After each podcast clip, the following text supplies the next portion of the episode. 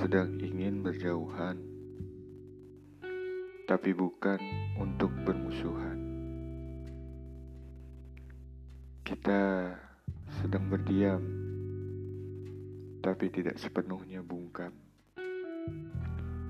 Matahari tidak lagi terlihat sama jika kita hanya melihatnya lewat jendela. Tak lagi terlihat indah jika kita melihatnya hanya di dalam rumah. Aku, kamu, dan dia tidak perlu merasa pasrah karena kuncinya adalah berusaha lalu berserah. Aku, kamu, dan dia tidak perlu merasa gundah karena yakinlah semua akan kembali indah. Jangan sekali-kali merasa lemah,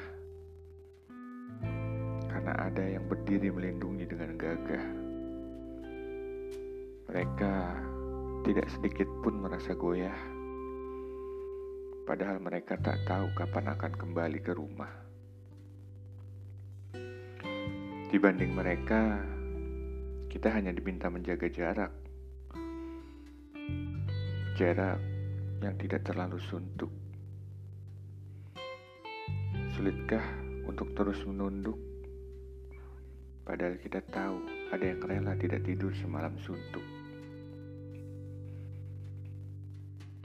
Jika tak bisa mengapresiasi, setidaknya hargailah perjuangannya. Karena dari situlah kita bisa kembali tertawa.